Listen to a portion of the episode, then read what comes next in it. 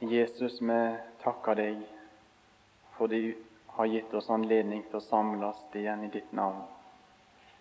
Og så har vi lyst til å be for ditt navns skyld, at du måtte tale til våre hjerter i kveld.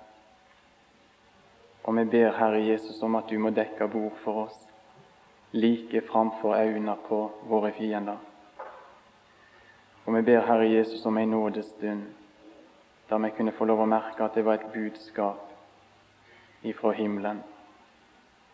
Og vi ber spesielt, Herre, om det er noen i denne forsamling i kveld som inntil dette øyeblikket har sagt nei til ditt kall. Måtte du forbarme deg over deg i din store nåde. Amen.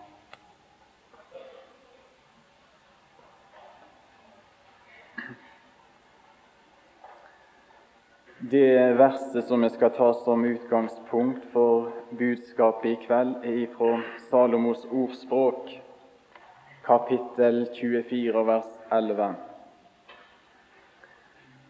Og der står det sånn Frels dem som hentes til døden, og hold tilbake dem som føres skjelvende bort til retterstedene.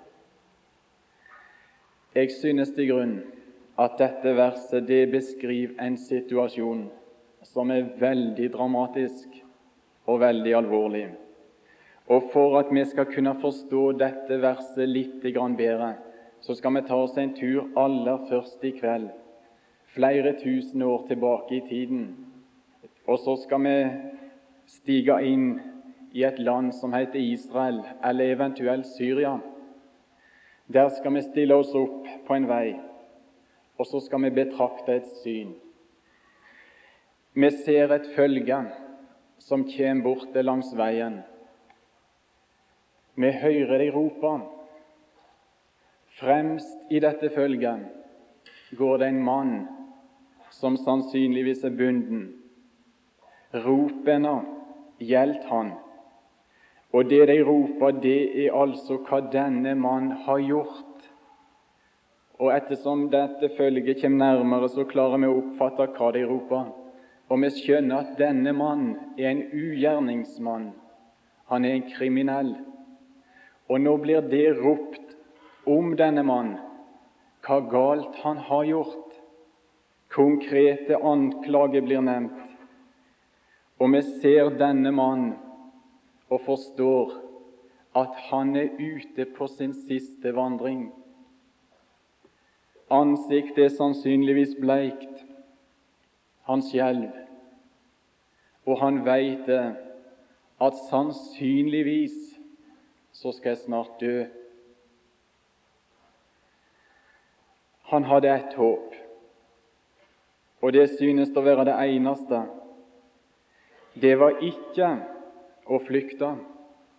Det var umulig, for disse som førte han, de var overmektige, og det ville ingenting nytte å prøve med det. Han kunne heller ikke regne med redningsaksjoner når han blir ført av gårde. Han har sannsynligvis få eller ingen venner.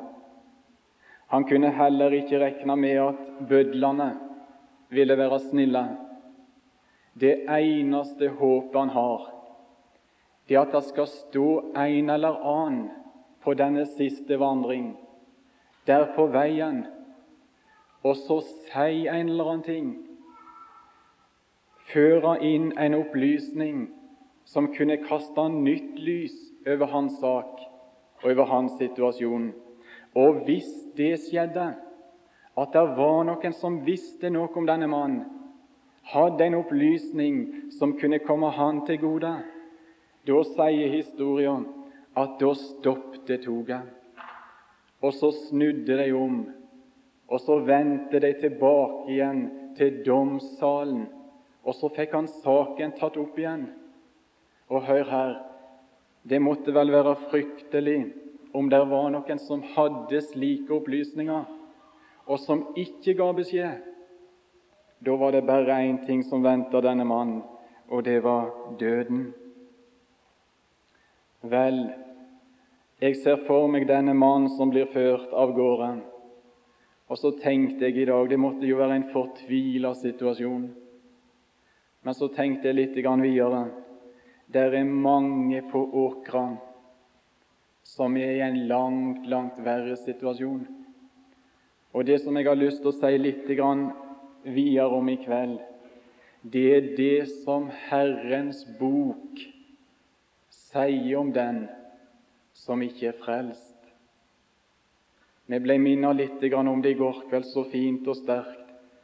Og allikevel har jeg lyst til å, gripe fatt i det igjen også i kveld. Den ufrelste sin situasjon. Når jeg leser i Guds ord om disse folk som står Herren imot, så slår det meg i grunn at stakkars folk, for en tilstand og for en stilling å være i. Jeg tror jeg kan påstå det at hadde en ufrell forstått hva situasjonen han var i, så hadde det blitt vekkelse. Så hadde det blitt nød. Så hadde det blitt bønn så hadde det blitt rop om frelse, så hadde det blitt knefall. Og jeg tror ikke om du er her i kveld som sitter i salen og, og ikke er frelst, at du hadde venta til møtet var slutt. Du hadde ropt til Gud i dette øyeblikk, om du så og forsto hva det vil si å være uten Gud. Det er en som har sagt, og jeg tror det er sant, dersom det gikk opp for et menneske hva det vil si å være ufrelst, så ble han enten gal, eller han sprang til Jesus med en gang. Jeg har lyst til å nevne noen få ting. For det første livet bort ifra Jesus, det er ei vandring imot den evige død. Ikke bare imot en retterstad, slik vi leser om i Ordspråket 24 men mot det som Bibelen kaller for den evige død, eller fortapelsen. Det er en evig tilværelse, og det er en bevisst tilværelse der en er skilt ifra alt godt. Der er det bare sorg og bare smerte og bare gråt og bare mørke og bare håpløshet. I Johannes 3, 36, der står det et nifst ord om det å gå fortapt. Og der står at Guds vrede blir over dem. Jeg har lest om Guds vrede i Guds ord. Jeg har sett glimt av den. Men jeg har aldri lest et slikt uttrykk at Guds vrede blir over dem, men det er sannheten om den som går fortapt. Uten Jesus blir og evigheten bare mørke gråt og evig død. Og Derfor så hadde jeg så lyst til å rope utover denne forsamling òg i kveld Pass deg, venn, så du ikke går fortapt jeg er så glad fordi at Gud taler så klart om disse tingene. Han har ikke skjult det. Han har talt så klart at et lite barn kan forstå alvoret.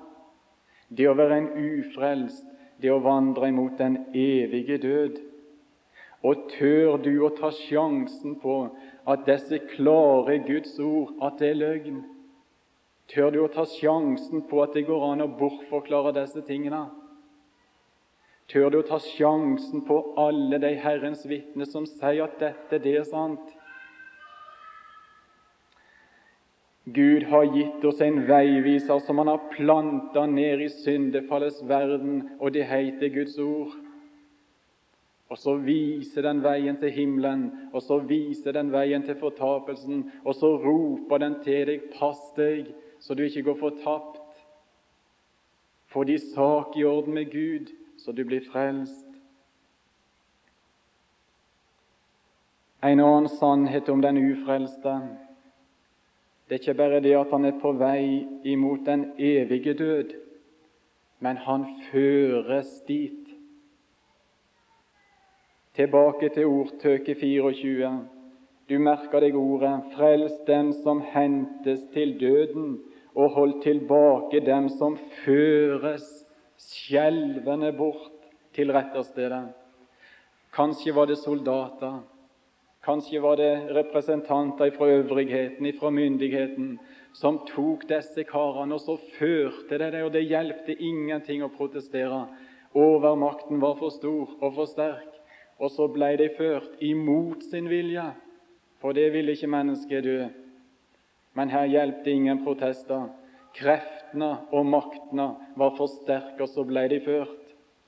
Og det er noe underlig i Guds ord som liksom kolliderer med alt vi til vanlig tenker.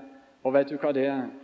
Ordet forteller oss at det å være ufrelst, det er altså å være unna makter og krefter som fører og som leder imot den evige død. Der står om en som er høvdingen over luftens makter. Og når Paulus skriver til deg i Efes, Efesus, så sier han det at det var i tid livet deres da det ble dirigert av den høvdingen og av de åndskrefter som denne høvdingen representerte, og som han dirigerte.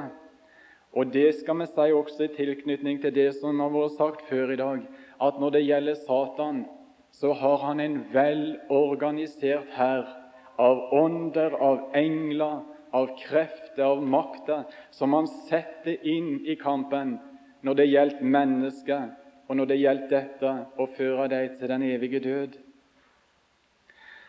Vi ser at han arbeider etter planer og strategier som er preget av grundighet, som er preget av list, av sluhet, av iver, av utholdenhet. Ser du toget av mennesker som blir ført av gårde imot den evige død? Ser du det i klassen deres ungdommer? Ser du toget av ufrelste som må gjøre Hans vilje? Vet du hva de sier, de som lever i synden? De sier vi gjør akkurat det vi vil. Vi lever slik vi vil. Vet du hva Guds ord sier?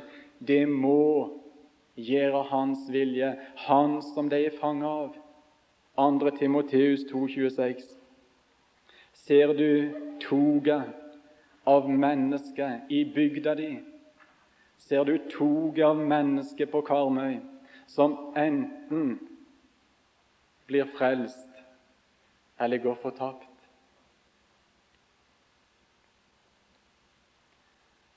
Sannhet nummer tre om den ufrelste.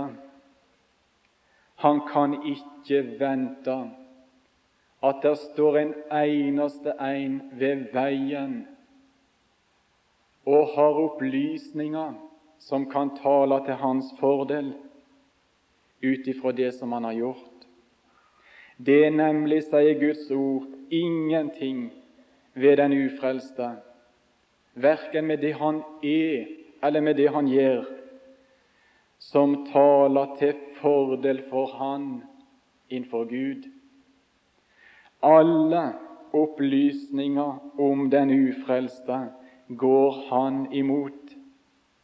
Ordet hans, gjerningene hans, tankene hans, forsømmelsene hans, sinnet hans, alltid samme rop om en eneste ting det rett at denne mannen skal dø. Det er rettferdig at dette mennesket går fortapt. Og det har jeg lyst til å si om alle som er inne i denne forsamling i kveld. Hvis du og jeg fikk det som vårt liv kvalifiserte oss til, så var det ingen håp for noen av oss. Det beste ved oss, det kvalifiserte oss til helvete all vår rettferdighet, skriver Esaias, det er som et skittent klesplagg. Og det var det beste de hadde. Ser du det? Er det så fryktelig? Ja, Bibelen sier det. Er du uten Gud, så er du uten håp. Du kan være det snilleste mennesket på Karmøy. Du kan være den prektigste i denne verden. Du kan være religiøs. Du kan be ditt Fader vår hver bidige dag. Du kan synge lovsanger til og med. Du kan lese i Skriften og likevel gå fortapt. Hvis du regner med deg og ditt. Slike mennesker. Ja, finnes det ikke håp da?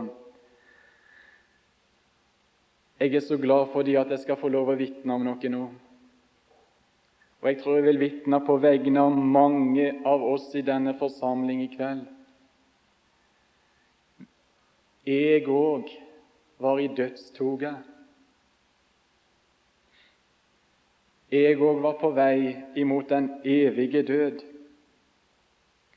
Alt jeg hadde gjort, det talte imot meg.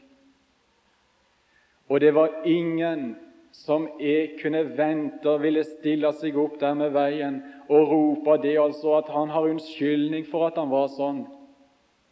Det var det og det og det og jo, som gjorde at han ble sånn. Ikke én. Alle som sto langs veien, hadde en lukka munn når det gjaldt å forsvare han som kom. Men så skjedde det noe som ikke bare kasta nytt lys innover min sak, men som forandra hele saka.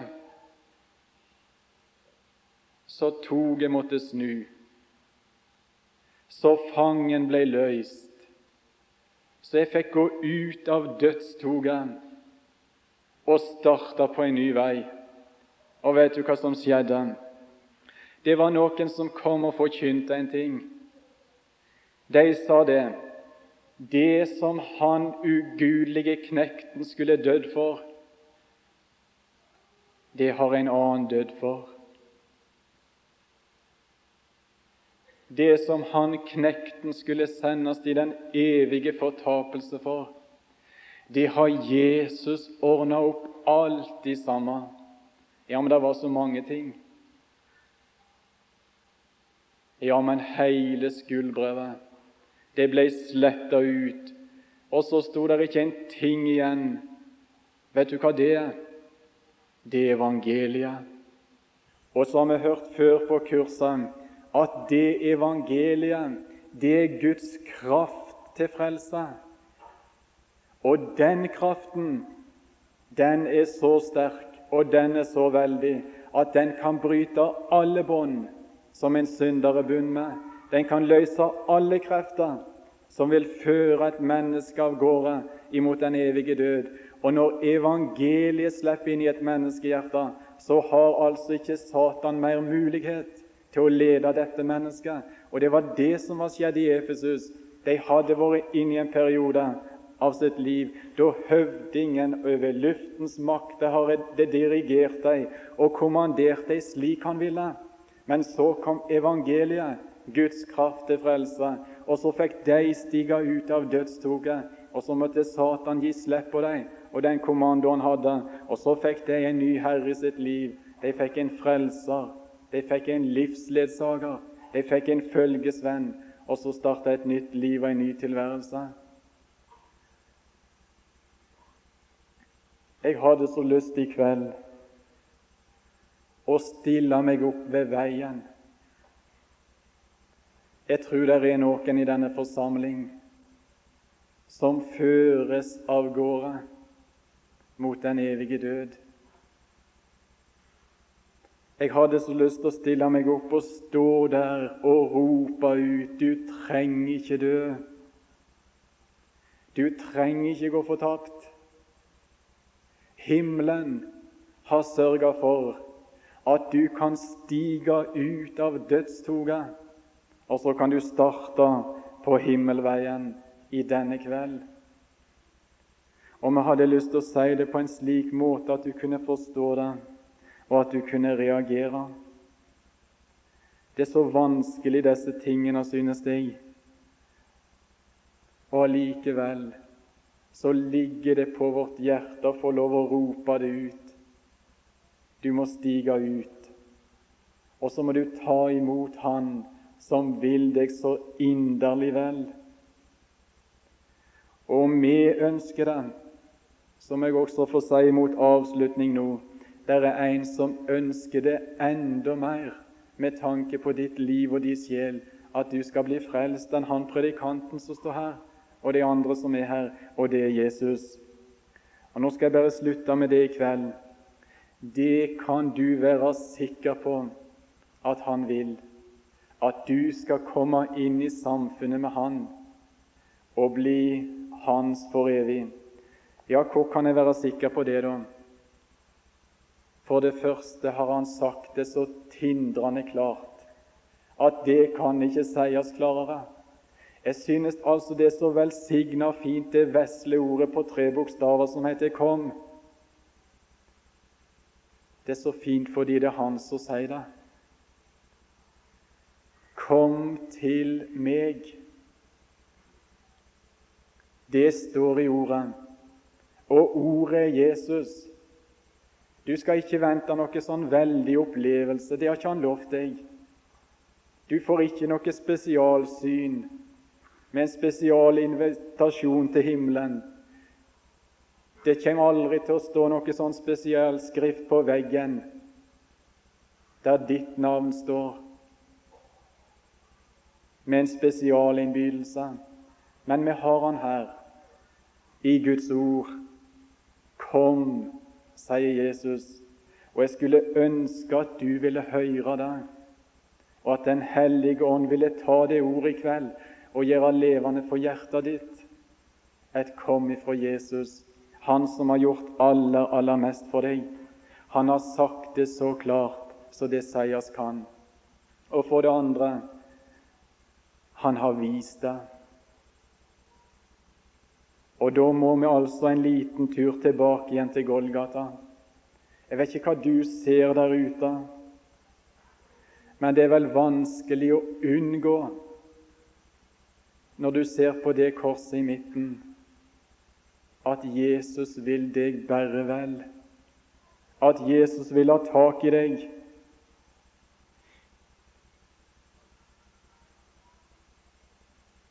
Og må du stå der ute, og må du se så lenge at du også forstår det ordet som står der, altså i ro Ja, det er vel Korinterbrevet der står at én er død for alle.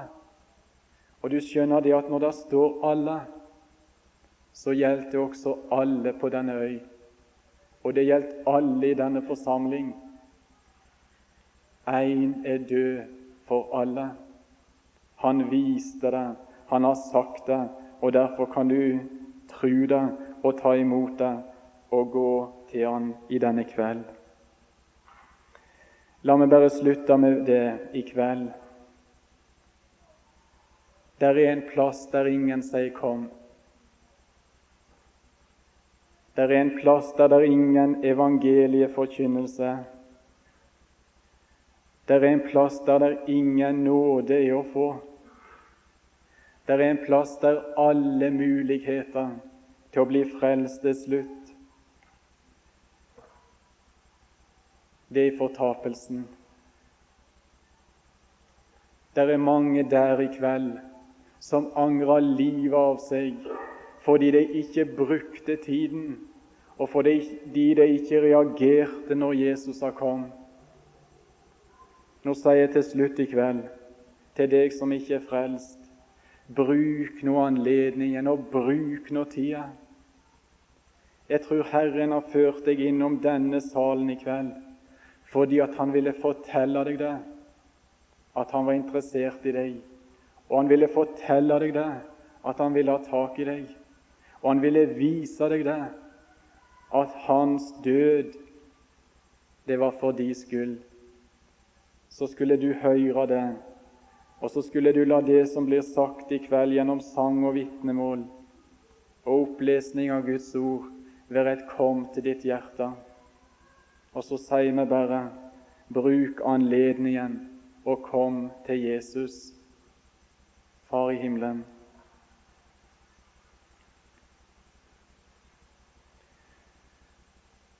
Du ser alle i denne forsamling, og du har de største planer, de største tanker med den enkelte.